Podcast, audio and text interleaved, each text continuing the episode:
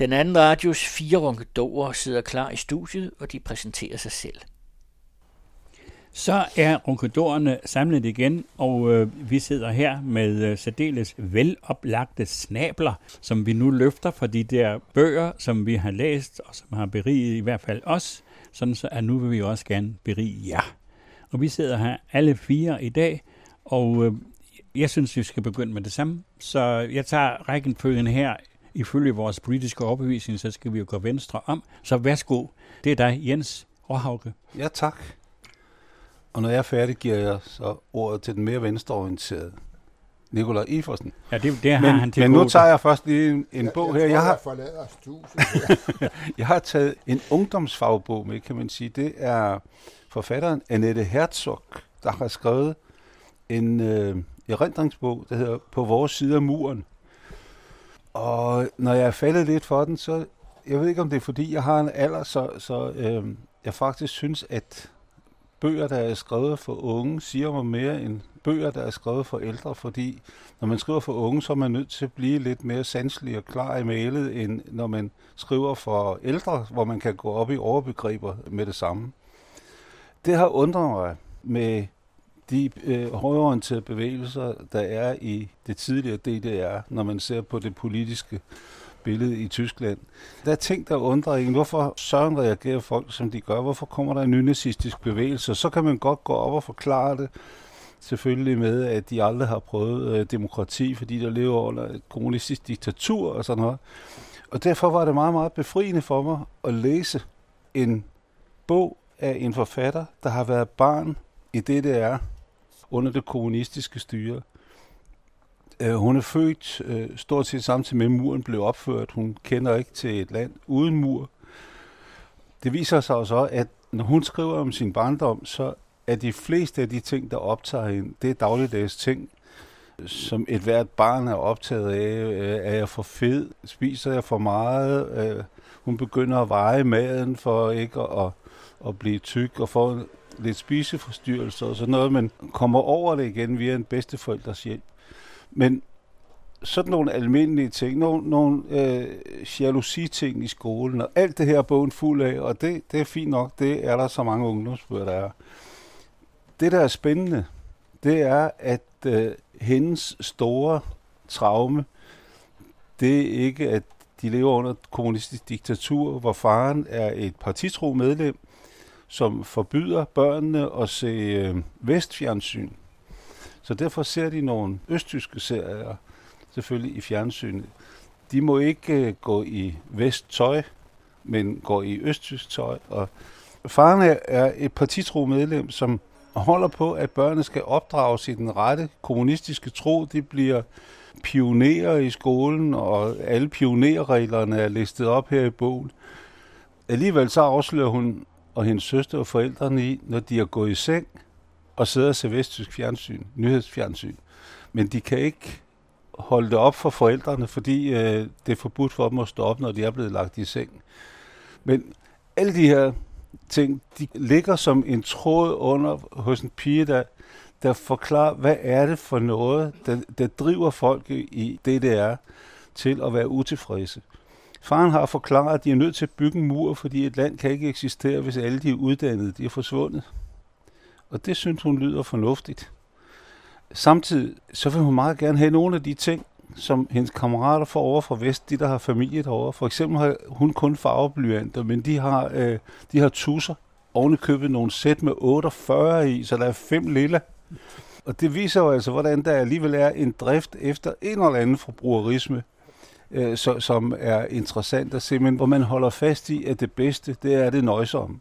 Det, det er opdragelsen, som ligger sådan ind over. Men samtidig, så peger hun på, hvor mange fantastiske goder de har, som er fælles for alle.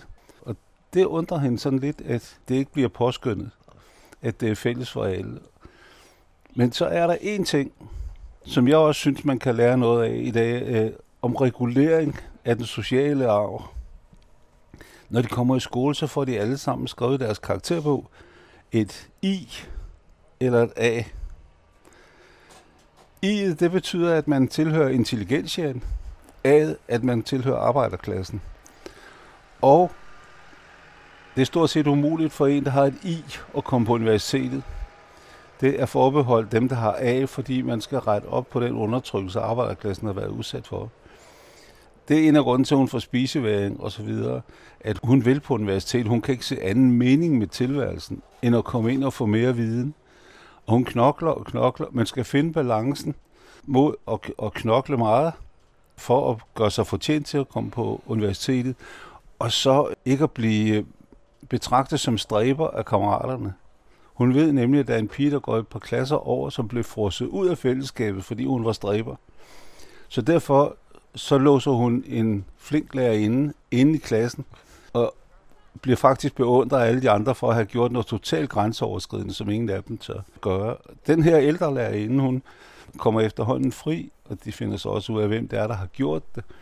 Og så forventer hun, at nu får hun en rigtig skideball. Men hun får tværtimod at vide af den her gamle kloge lærerinde, at jeg ved godt, du har det svært.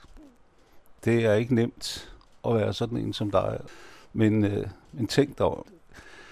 Alle de her spændinger, der ligger, de forklarer for mig i hvert fald en eller anden måde, hvorfor folk i DDR reagerer, som de gør, fordi de har levet i de her dobbeltheder, som den her bog præsenterer. Og det, der er det fine ved det, synes jeg, er en understrøm af, at der var altså nogle gode ting i DDR, som er hældt ud med badevandet, da dem, som ønskede sig flere tusser, de vandt.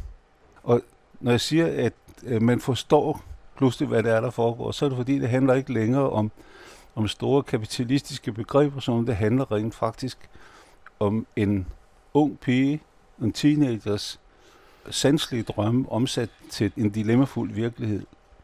Men hun er født i det, der, og hun hader, når nogen kalder det Østtyskland den dag i dag, fordi det var et land med mange positive ting også. Så på en eller anden måde, så synes jeg, at bogen er god at få dilemmaer ind af. Jens, hvor, hvor ser du forbindelsen til, til det nynazistiske i uh, det tidligere det der? At de har, de har opdraget det samme dilemmafyldte uh, rum, som her. Det er jo ikke magthaverne, der har været de onde i det her foretagende. Det, det har været nogle spændinger imellem nogle drømme og nogle muligheder. Og ja. så kan du godt sige, at det er styret, der er, er skyld i det. Men, men øh, Jamen, det var jo ondt. Det, det siger hun ikke. Nej, men det var det da. Altså et statsapparat, der i den grad var undertrykkende og forfølgende. Det kan godt sige, at når man er barn, så eksisterer statsapparatet bare ikke. Nå nej, men... men, men og derfor er der nogle spændende reaktioner, der ligger ned under statsapparatet. Okay. Og, og jeg er ret sikker på, at de der unge nynazister, de reagerer på nogle andre ting end oprør mod statsapparat. De reagerer som et oprør mod nogle livsbetingelser. Jeg kom til at tænke på det første gang, da min kone og jeg var på en, en tur sydpå og gjorde ophold i Hagenau, hvor vi fik morgenmad serveret af en ældre kvinde, som øh, talte tysk med noget accent, og det viste sig så, at hun kom fra Kazakhstan, men hun havde måttet flygte på grund af katastrofen. Øh, vi kunne ikke huske, at vi havde hørt om nogen katastrofe, så vi spurgte, hvad det var for en katastrofe, så sagde hun perestroika. Ikke? Og på en eller anden måde er der nogen, der har overtaget alle de goder, hun peger på, der var. Det er sjovt, fordi man kommer til at tænke på den der spillefilm, der var lidt for lang måske. Men ja, ret god for at leve Lenin, ikke? Ja. Den hvor de længes tilbage til saltagurkerne. Ikke? Ja, ja. Og det kan man jo ikke, det er jo det at affinde sig med sådan et system, som jo også sker. Ja. Og det, det er også skrevet nogle nyere fremstillinger af hele Tysklands historie under nazismen, mm. hvor man siger, at en stor del er, at man affinder sig. Og hvis man ikke forstår, at, at vi alle sammen affinder os, så har man ikke forstået historien måske. Vel? Vi snakker om her i, i vores dage, sidder vi og affinder os med, at den danske stat ikke vil modtage nogle børn, som bor i nogle lejre, mm. forfærdelige lejre, ja, ja. og ikke vil sende deres mødre for en domstol. Det affinder vi os med. Vi mm. går ikke rundt og protesterer hele tiden, men jeg tror om 100 år vil man se på os, eller 50 år, vil man ligesom vi så på folk i 30'erne, danskere i 30'erne, der afviste flygtningen, der kom mm. til vores grænser, af opportunistisk grund. Mm. Så vil man se på os på samme måde, men vi affinder os. Jødiske flygtninge. Jødiske flygtninge. Men, men, men altså, jeg vil også gerne være fri for at deltage i den der DDR-bashing, uh-huh. som jeg synes er primitiv.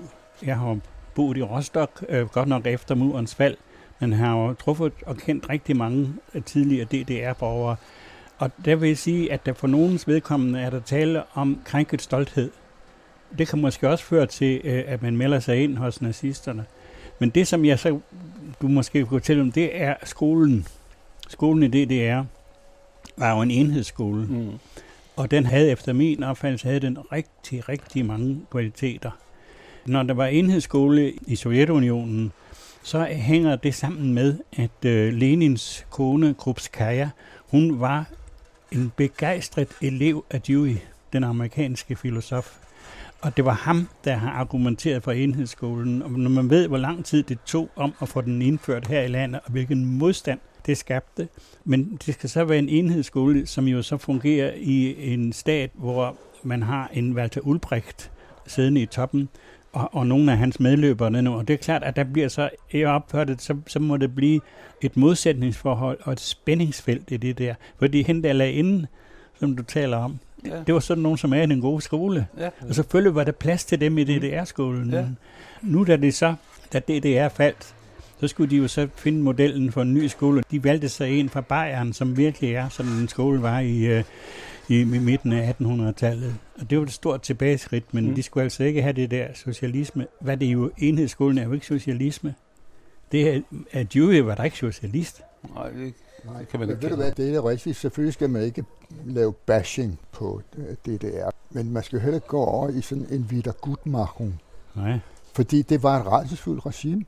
Det er jo øh, realiteten i det, som øh, kontrollerede i hoved og røv øh, befolkningen, som havde et hemmeligt politi, som var adskillige gange større end Gestapo under nazismen. Det var et resultat af 1968. Indtil da, der var der ikke særlig overvågning af folkene. Men hvad hed han, Milke, øh, chefen? I 68, der fik han den teori, at fjenden ikke længere er uden for landets grænser, men fjenden er inden for landets grænser. Og så satte han det der mægtige Mm. over- overvågningsapparat i gang, som i virkeligheden jo også er, er baseret på skræk og redsel. Og det er en... Nå, men, Men, den 13. august 1961, der byggede de en mur rundt om Berlin. Og dem, der prøvede at gå over den mur, blev skudt. jamen, det er forfærdeligt. Jamen, det, det er da forfærdeligt alt sammen. Det ændrer der ikke noget ved, at man må... Nej, nej, det gør det ikke. Men, men, men, men, men, men det skal bare ikke glemmes. Nej, altså, det, det, det var da en del.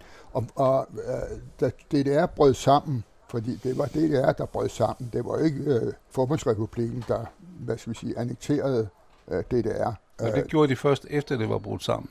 Ja, efter anmodning fra DDR, ikke? Fra, fra det regime, der Ja, var ja, i DDR på det tidspunkt. men- Men, det skal vi dog ikke glemme, vel? Men der er nogle andre ting i. Altså for eksempel, familien her stammer fra Dresden. Mm. Der er billeder, når hun besøger bedsteforældrene.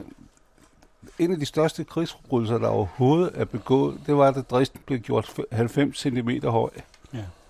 Ikke? Ja, ja. Og, og det håndterer de uh, her og genopbygger Dresden. Og, og, altså, jeg siger ikke, at Dresden var et lykkeland. Jeg siger bare, at det er utroligt spændende at høre om, hvordan det blev oplevet af en, der var barn og teenager i det land. Fordi der er det ikke styret, der er det mest frustrerende.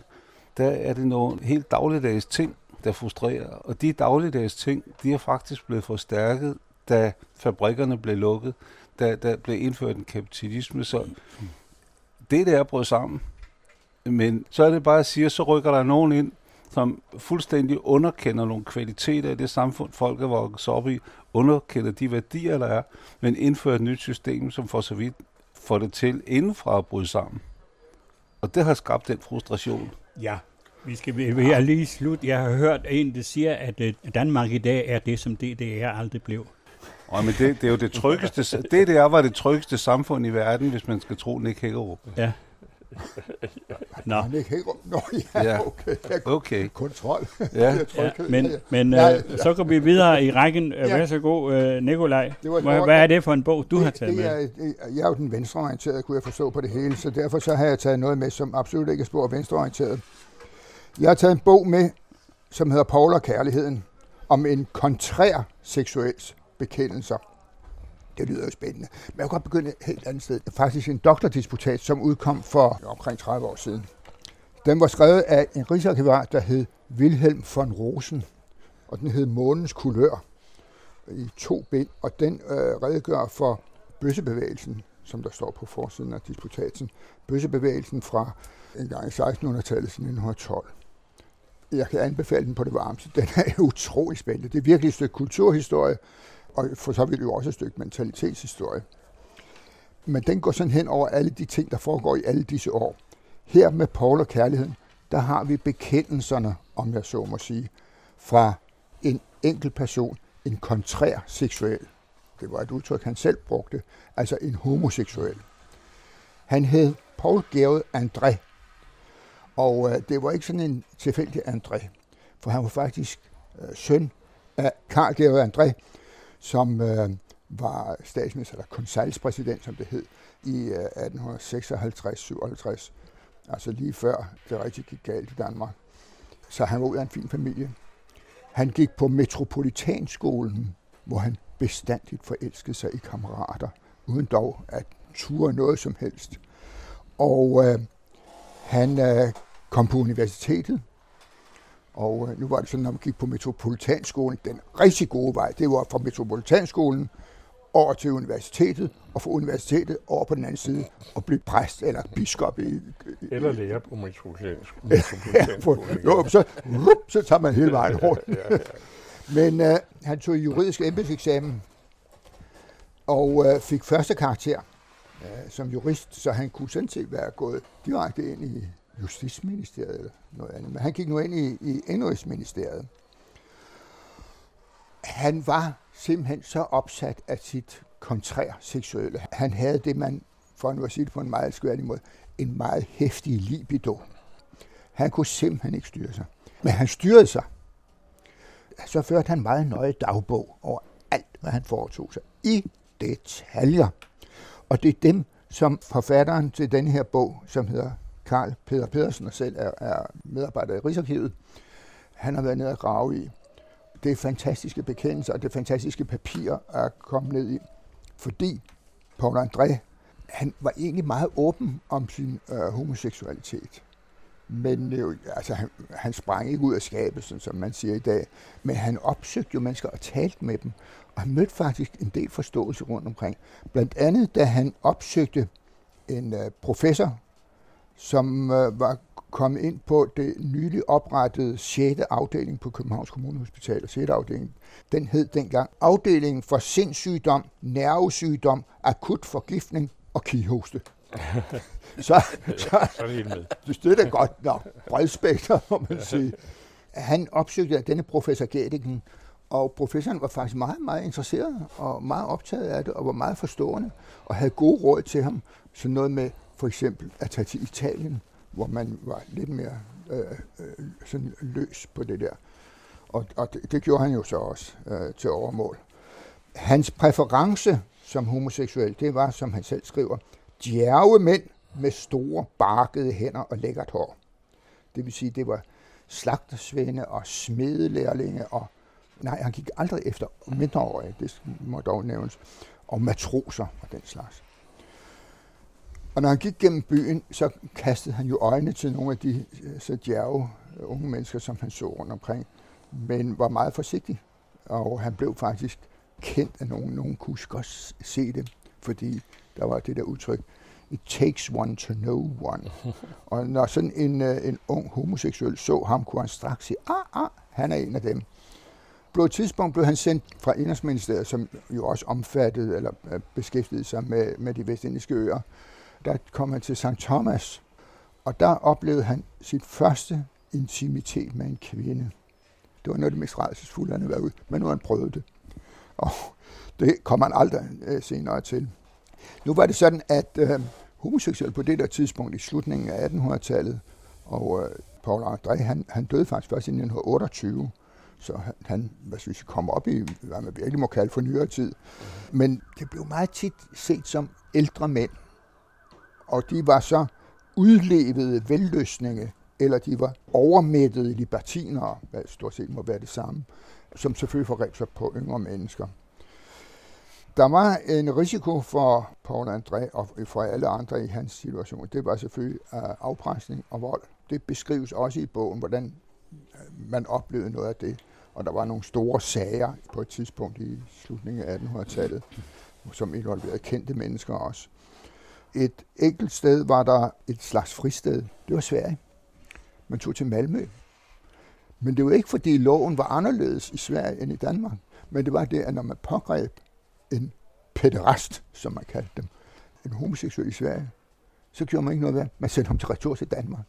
Og omvendt i Danmark, når de greb dem svensker, så sendte de ham bare retur til Sverige. Uden at forfølge sagen, fordi det, altså, mm. man kan se hele det der byråkrati, der kommer i gang med sådan noget der. Et af de steder, hvor, hvor øh, de meget hyppigt mødtes, det var faktisk inde på Kongens Nytorv. Og nu var der jo ikke nogen underjordiske toiletter, ligesom der engang var på Rådhuspladsen. Men uh, der var til gengæld omkring Christian den 5., som jo sidder på en hest derinde. Der kunne de så gå ind på krinsen, som man kalder den. Og det var sådan en slags mødested. Han skrev faktisk en bog om det at være kontrær seksuel. Og uh, han lagde sig ud med en professor på 6. afdeling, en meget, meget berømt psykiatriprofessor, der hed Knud Pontoppidan, som i øvrigt lagde sig ud med mange andre mennesker også en bror til, til forfatteren. Henrik. Henrik Pontoppidan, ja, ja. Morten. Og Morten Pontoppidan. Han var højskolemand. Han lagde sig ud, fordi uh, Knud Pontoppidan, han mente, at homoseksuelle specifikt går efter umodne personer. Det oprørte Paul André, og han skrev sig i, kom med et meget stort fyldigt indlæg i uh, det, der hedder Bibliotek for Læger. Den her bog, man skal ikke købe den, fordi man tror, der er øh, saftigheder i på den måde. Det absolut ikke. Men det, det er faktisk en meget spændende bog, fordi den fortæller noget om nogle samfundsformer, og, eller hvad skal vi sige, et syn selvfølgelig på de kontrærseksuelle, på de homoseksuelle. En flot bog med øh, et ordentligt fint noteapparat. Det er jo noget, vi her i, i øh, Ronkedorerne sætter pris på. Anbefalet. Den er udkommet på Gads forlag. Karl Peter Pedersen Paul og kærligheden, en kontrær seksuel bekendelser. Jamen altså, så vil jeg nu få, så vi går videre. Georg? Jamen, det er nemlig et historisk emne, hvor, hvor mærkeligt den lyder, fordi det er kun 15 år gammel, og det er jo ikke en ting for sådan nogle gamle øh, hønæser som os. Der er historien jo noget, der går længere tilbage. Det vil vi jo gerne tro. Det er jo det, der hedder samtidshistorie, og det, øh, jeg vil tale om, det er en bind, et nyt bind i øh, de 100 Danmarks historie, som Aarhus Universitetsforlag udsender det emne, der er denne gang, det er øh, skrevet af Kirstine Sinclair, historiker, og øh, det hedder simpelthen karikaturkrisen. Og så er der nogen, der spørger, hvad er det for en? Så siger de, nå, det er Muhammed-krisen. Jamen, øh, det er det, vi kalder den, men øh, udlandet kalder den karik- øh, karikaturkrisen, fordi krisen på grund af karikaturen, det er ikke på grund af Muhammed. Så nu kan man vende den om, og det, det er jo sådan set ligesom savligt, som det vi påstår er savligheden selv, i den betegnelse, vi har givet den. Men det er jo interessant at se ud fra også et, et principielt synspunkt, hvordan man skriver samtidshistorie. Og øhm, normalt er vi jo vant til med samtidshistorie, det er det, der hedder diplomatisk, diplomatisk historie. Altså det er noget, der hviler på kilder og på aktstykker og på noget, vi kan kontrollere i Rigsarkivet, eller hvor det nu er, vi finder og får adgang til kilderne. Danmark i NATO for eksempel, det er jo godt forskningsemne. Eller som Tim Knudsen har skrevet om statsministerne, hvor vi kan gå til arkiverne og, og altså vi ved hvordan, nogenlunde, hvordan de metodiske regler må, skal være for at, øh, at skrive noget ud fra udbuddet. Men det er noget andet med sådan et stykke lidt i virkeligheden ret flimrende historie som karikaturkrisen, hvor øh, en væsentlig del af den bliver båret frem af mundtlige udsagn, det skal man jo ikke glemme, som, som kommer frem i medierne mange gange, hvor der kommer et moment, så sker der noget, der sker i uh, deadline, eller hvor det er, der er en, der sidder og siger et eller andet. For eksempel Jyllandspostens redaktør, øh, som øh, jo afstedkom det Rose, som uh, man kan sige, satte hele historien, eller var med til at sætte historien i gang. Der er mange af udsagn, jeg har selv været med i studiet, eller siddet i studiet med ham, hvor man tænker, over for Søren, der kommer altså her et, et uh, udsagn, som kan få betydning, hvis der er nogen, der hører efter, så er der en principiel synspunkt i det, som kan få stor betydning. Og så er der selvfølgelig alle avisartiklerne om det. Og så er der det, som er næsten uangribeligt, eller for ikke at sige, det er uangribeligt, det er stemningen i landet, altså mens det foregår. Hvad er folkestemningen bag det her? Og det vil jeg ikke sige, at Christina Sinclair har kunnet gennemlyse. Det er nok umuligt. Men hun gør så store anstrengelser for at, øh, at forholde sig nøgterne i balance over for det her egentlig ret mærkelige fænomen, som det var. Når hvis man hører Lytlandsposten, kan sige, at øh, disse her tegninger, de er sådan set beregnet til at krænke de folk, som det handler om. Det står der faktisk i Jyllandspostens leder, og det er jo en af grunden til, at reaktionen bliver så voldsom, at øh, folk med rette kan sige, jamen de siger det jo selv, at det er for, at vi skal blive fornærmet, Og så er der jo nogen, der griber den og bliver fornærmet. Og der kan man jo hæve det, at det også er, er stærk kost for folk, som har en øh, stærk religiøs tro, at øh, de pludselig ser deres, deres helligste krænket. Øh, hvis man så skal sammenligne med os, så er det jo svært, men fordi vi er så forhærdet her i landet med, med hensyn til blasfemi, måske. Fordi hvis vi vender tilbage til vores ungdom, barndom, så kunne jeg godt forestille mig, at der ville være kommet meget voldsomme reaktioner, hvis man havde krænket Jesus i en eller anden øh, billedlig sammenhæng. Da vi var børn i hvert fald. Senere oplevede det med, med øh, Jesus-filmen, Jens Jørgen Thorsens Jesus-film, og vi endnu senere oplevede det med nogen, der, der udgav klip-klapper med Jesus, man trådte på. Og øh, det er ikke, fordi det morer mig. Jeg synes ikke, det er nogen god idé at lave sådan noget. Jeg synes faktisk, det er en ret dårlig idé, fordi der er jo egentlig ikke nogen grund til det. Og det er jo derfor så også, Kirstine Sinkers bog er, er interessant. Den her 100 sider er de jo på, alle de her bøger. 100 sider for 100 kroner, det, det, er meget, godt, det er meget godt fundet på.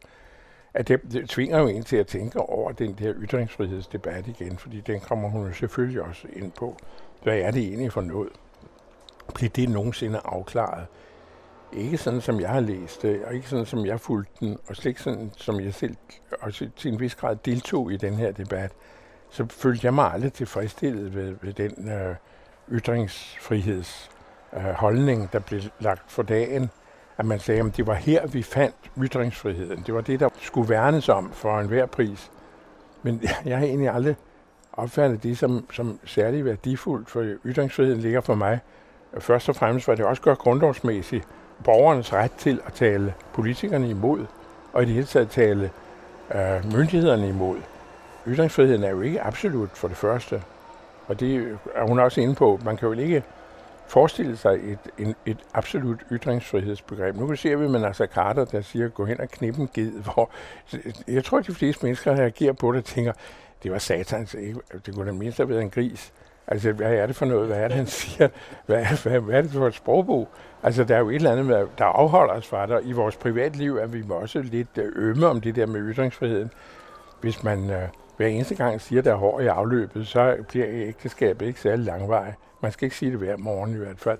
Altså, man, man pålægger sig selv ytringsbegrænsninger, og der er egentlig ikke noget mystisk i det. Vi gør det hele tiden. Altså, øh, Uffe Ellemann Jensen sagde det glimrende, sagde, at det er rigtigt nok, der er ytringsfrihed, men der er ingen, der siger, at man skal bruge den hele tiden. Altså, man kan godt nogle gange tænke sig om. Og det, det, det jeg synes hele tiden, der er den her blokade i den her karikaturkrise, hvor man siger, Jamen frem for at lave det på den måde, hvad skal man tænke om? Altså, det er vel egentlig ikke så mærkeligt, at folk bliver sure over det. Er det det værd? Altså, var det ikke mere værd, at I fandt et eller andet forfærdeligt urimeligt i jeres samfund, og, eller i jeres egen religion, og tog fat der, frem for at krænke nogle andre? Øh, det, det er et politisk synspunkt, det erkender jeg, men det er det andet jo også. Jeg synes, det er interessant, at hun, hun gør redde for det her, og hun gør det godt. Og så er det jo selvfølgelig for den, for den historisk øh, faglige tænkende er der jo nogle meget store metodiske problemer i at lave samtidshistorie på den måde, som antydet. Det er for de viderekommende, og øh, de sidste ord er selvfølgelig ikke sagt i den sag.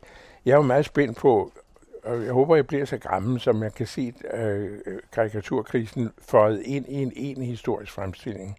Altså i et, jeg havde nær sagt et flere, det når man nok ikke, men et flerbindsværk om øh, Danmarks historien. Altså Danmarks historien skrevet på ny i et stort værk. Hvilken plads får karikaturkrisen her?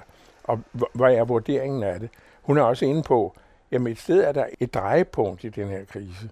Og det er sådan set, hvor landets statsminister siger til 11 ambassadører, ambassadører fra muslimske lande, nej, jeg vil ikke møde jer.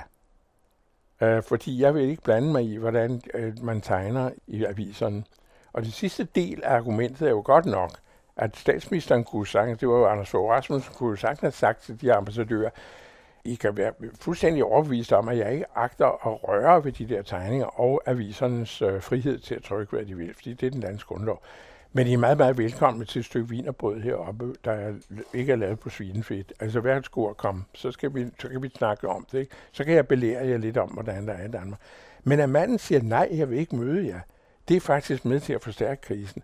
Hvad der jo fortæller midt i krisen, kan man jo ved at grave som historiker med en lille teski og en, en lille øh, børste. Så kan man sige, at her, det, det er en dumhed. Altså, der, der ligger en dumhed begravet. Det er simpelthen åndssvagt, at han gør det. Det er med til at forstærke en krise. Og så får den, den konspiratorisk tænkende, og det er vi jo alle sammen, så tænker man, hvad var motivet til det?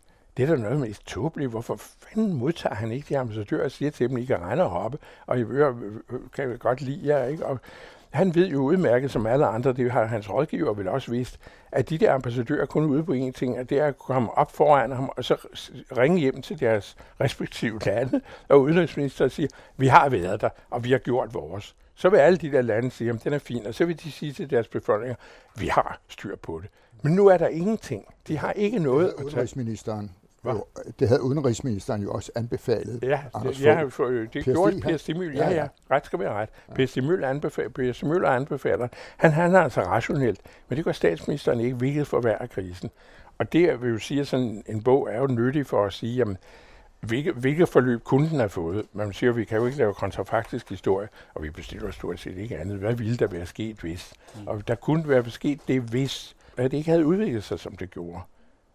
Og sådan kan man også sige men det havde jo så betydet, at statsministeren og øh, det parti, han står for, og mange andre borgerlige politikere, for sin sags skyld, også socialdemokrater, de ville have været nødt til at sige, jamen øh, det er ikke så enkelt, som vi gør det til. Det er mere kompliceret. Og så ville de være kommet ud i en debat, som nogle af dem har haft meget svært ved at rode sig ud af igen. Men det er en anden diskussion. Det er en nyttig lille bog. Trækker hun nogle tråde frem til de konsekvenser, den har haft? For eksempel, at øh, dansk pen blev sprængt, øh, og øh, der i dag er en ytringsfrihed, som, som siger, at man har ytringsfrihed, hvis man respekterer danske værdier. Ellers hedder det had.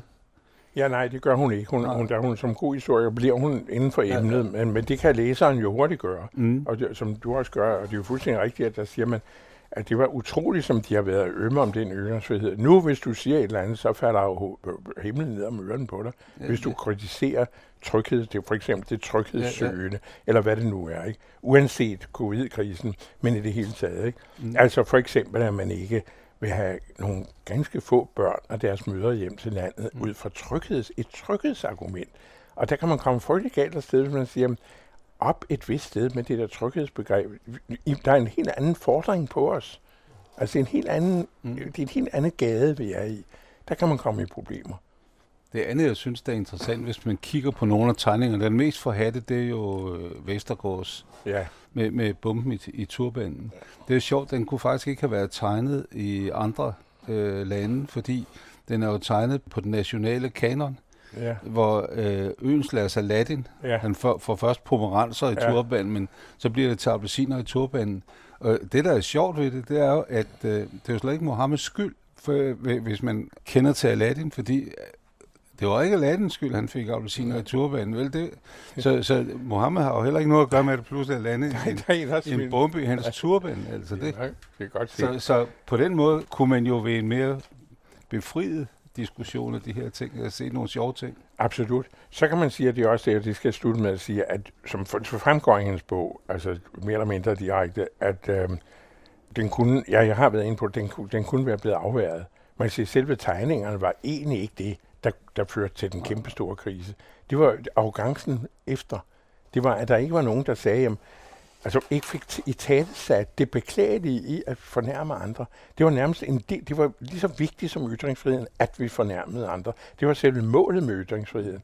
Og det er jo noget at være fis, for at sige det rigtigt. Du bliver da holdt fast ved det. Mm. Ja, derfor bliver det ikke mindre fis af den grund. Tak. Så vil jeg spørge jer, om I ved, hvad en zoonose er. Ja. Det ved jeg godt. Hvad er det så, Nikolaj? En zoonose, det er en sygdom, der kommer fra dyr. Ja, det er nemlig rigtigt. Og den næste coronaepidemi vil sandsynligvis, med stor sandsynlighed, være sådan en zoonose.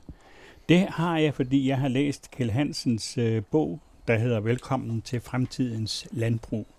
Og det er, som jeg altid synes, når Kjell Hansen laver noget, så er det her rigtig godt. Det er også skræmmende. Han tager sit udgangspunkt i de danske myndigheders behandling af coronaen, hvordan øh, myndighederne har handlet undervejs. Øh, men han siger også, at øh, coronaepidemien, det var den første zoonose i moderne tid. Og øh, ved et rent lykketræf, så var det kun minkene, der havde evnen til at smitte mennesker, og derfor måtte lade livet. Så spørger han, hvad nu, hvis det næste gang er svinene, der bliver spredere af virus. Og hvad nu, hvis den næste pandemi ikke skåner børn? Det kan vi jo ikke vide. Vi kan bare vide, at der er mange ting, der tyder på, Kjell Hansen han siger, at, at det, det med stor sandsynlighed, så vil der komme uh, den næste verdensomfattende pandemi vil være en zoonose i vis omfang, vi ikke ved. Der findes en, øh, en øh, professor på Københavns Universitet, der hedder Lars Erik Larsen. Han siger, at den næste pandemi helt sikkert vil komme fra svineindustrien. Og det hænger sammen med, at den der måde, man producerer fødevarer på her i verden i dag, med de der genetisk ensartede husdyr, som kyllinger, ænder, svin og mink, de fremmer rent faktisk udviklingen af det her virus. Og øh, her spiller den danske svineindustri en skræmmende rolle, fordi den er så ekstremt stor. Men også fordi de danske myndigheder ikke reagerer på det, de ved. Kjell Hansen han skriver her, at der er ikke en større politisk vilje til at tage hånd om det her. Og han beskriver de første kapitel i bogen, der fortæller han også, hvordan det lykkedes simpelthen dansk landbrug at øh, komme under radaren. Hele foråret 2020 og hen over sommeren og ind i det begyndende efterår, der var der et sådan et lavprisfly, der hed Wizz Air, der fire gange om ugen fløj til, til Rumænien med østarbejdere ind og ud af Billund Lufthavn, og det var for at tilfredsstille landbrugets behov for billig arbejdskraft. Og de her østarbejdere, mens resten af landet var lukket ned, så kunne de rejse frit ud og ind. Ingen håndsprit, ingen mundbind, ingen afstandskrav, for slet ikke at tale om coronatest. Det er Dagbladet Børsen, der har afsløret, at op mod 120.000 østarbejdere de kunne frit rejse ind og ud af Danmark helt frem til efter sommeren 2020, fordi Dansk Landbrug sagde, at vi har brug for det, vi kan ikke undvære dem. Og det har ikke været en del af, af, af den offentlige debat. Det mener jeg, der, der har altså været en ytringsfrihed, som ikke har været i brug. Og det er ikke de eneste, der bevæger sig over grænserne, gør Kjell Hansen opmærksom på. Hvert år sendes der for eksempel mere end 14 millioner levende svin ud af Danmark. Fortrinsvis til Tyskland og Polen, men nogen bliver også sendt så langt væk som til Kina. Levende? Ja, ja. det er levende. Når de kommer over pattegrisestadiet, så du, hvis du kan se dem, hvis du kører på motorvejen, så, så kommer de lastbiler, som er, er sådan lave ja, etage. Ja, det kender jeg godt. Men... Og det er svin, der skal, der skal på turist. Nej, det vil jeg forkert at sige, men altså, det, det, er, det er svin, der bliver solgt, og nogen bliver solgt helt jo, til Kina. Jeg, jamen, til Kina, det, så skal de så flyves til Kina. De ja, de har været fløjet eller sejlet. Men det er ikke det eneste, der bliver, fordi så bliver der, der er jo virkelig lavet en direkte kæde med, med den der virus, og det er ikke det eneste, skriver eksport af ornesæd. Det er en milliardforretning for danske landmænd. Og øh, de bliver sendt altså som dybfrosne ud over hele Europa, og det er de fjerneste egne af kloden. Og de bliver heller ikke renset for virus. Så der er regulære smittekæder, som er i funktion med, med hensyn til det der. Det er sådan, at øh, den der opbygning af forskellige former for virus i dansk landbrug, især i svinefarmerne, bliver fuldt. I de sidste 10 år, der har Statens Serum Institut og Københavns Universitet Fire gange om året har de foretaget indberetninger om, hvordan de her virus de udvikler sig. De udvikler sig med stor hast, øh, og Kjell Hansen han har bedt om agtindsigt, fordi han vil have at vide, hvad er der sket med det der, hvordan har udviklingen været, og den er, den er eksplosiv. Og, og det, der så også er sket, det er, at rapporterne fra de der, de er bare blevet arkiveret i Landbrugsministeriet, så er der ikke sket mere. Det er det rent faktisk ikke. Det er en kommende skandale, i virkeligheden. Og det, tænk, hvis den næste kommer, som ikke skåner børn. Det ved vi jo ikke. Men så slutter han bogen, og der beskriver han, hvordan man kommer til at producere fødevarer i fremtiden. Og det bliver slet ikke med køer, eller grise, eller kyllinger. Det bliver på kemiske fabrikker. For eksempel i, øh, i Singapore, jeg ved også, man er, man er også langt fremme i Finland, men i Singapore, som i dag er, jeg tror, han skriver, det er noget med, at man producerer kun 10% af de fødevarer, som Singapores befolkning lever af. Men de regner med, eller stiler efter, at i løbet af de næste 10 år, så vil de blive selvforsynende. Og det bliver udelukkende ved hjælp af, af det, som han kalder, det enten hedder det kulturkød, eller cellekød, eller laboratoriekød, og det er ikke kød. På restauranter i Singapore i dag, der kan man gå ind og for eksempel øh, få nogle kyllingebider, som hedder good meat, det kød, der serveres der, det har aldrig siddet på en levende kylling. I stedet er kødet fremstillet af celler i et laboratorium, alene med det formål at blive spist. Ingen kyllinger. har måtte lade livet for at man får de der frityrstegte snacks og sådan noget, og de har haft nogle øh, sådan madeksperter inden for at vurdere det, og de kan ikke kende forskel. Det er fremtidens måde at producere fødevarer på. Det er ved kemiske fabrikker, som jo behøver, ikke behøver at ligge ude på landet, men de kan jo ligge alle mulige steder. Ovenikøbet, så er det sådan, at, øh, at et sted, hvor de virkelig vil være godt at placere dem, det er Saharas ørken. Fordi det her er så meget sollys, som kan give energi, og klimaet er stabilt. Altså, han, han siger selv her, at produkt efter produkt, det som vil udvikle for eksempel af koen, det vil blive erstattet af langt bedre og billigere, moderne alternativer. Og de, de nye proteiner, de vil være fem, altså prisen vil dale, sådan så at øh, om 20 år eller sådan noget, så regner man med, at prisen på det vil være ligesom på sukker. Altså lavere end den måde, man vil fremstille kød på nu. Det er, han skriver, at det er mere nærende, det er sundere, det smager bedre, det er nemmere at anvende, og det betyder, at moderne fødevarer inden 2030, siger han, det vil opnå en højere kvalitet, men koster mindre end halvt så meget at producere, som at producere som det, vi spiser nu. Og det er jo klart, at det vil få nogle helt enorme konsekvenser for den måde, vi tænker på, tænker landbrug på. Ikke kun her i Danmark, men prøv at tænke på hele den mytologi, der er bygget op omkring oksen, altså cowboyen, som jo er en oksehyrde, og som jo bliver dyrket som, som det, var, det var virkelig et, et ikon for rigt, rigtig mange ting. Men den måde at producere mad på, den er forældet, og det haster, siger Kjell Hansen, for jo hurtigere vi kan komme over og, at spise det her kemisk, industrielt fremstillede kunstige kød, desto hurtigere kan vi begrænse ødelæggelsen af Brasiliens urskove og fordi, på Madagaskar, fordi de bliver ødelagt for at skabe fødevarer til de der dyr, som vi så skal spise. Men det er fortid, siger han, og vi kan forvente en helt anden måde at producere på, som også vil kunne reducere CO2-udledningen, sådan så at vi ikke belaster øh, jordens ressourcer, sådan som vi gør nu. Den her bog begynder med nogle rigtig dystre og triste bemærkninger, men den slutter med nogle helt fantastiske perspektiver. Så jeg glæder mig til at opleve det, når jeg engang bliver rigtig gammel.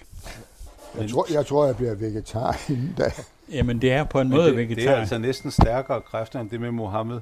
Ja, det er Fordi meget. en gammel amerikansk professor, Donald Sharp, har skrevet The Cow Book, hvor han blandt andet øh, siger, at tyrefægtning skyldes vores jalousi over for tyren, fordi den også har noget med koen at gøre. ja. men, men jeg vil sige, at den her bog, jeg synes virkelig, det er en god, velskrevet, godt researchet, og øh, en bog, som jo virkelig vil åbne Danmarks befolkning. Og det er sådan, nu kan, jeg har været medlem af Klimaministeriets borgerting, og der har vi diskuteret mange ting om klima og omstilling og den grønne omstilling osv.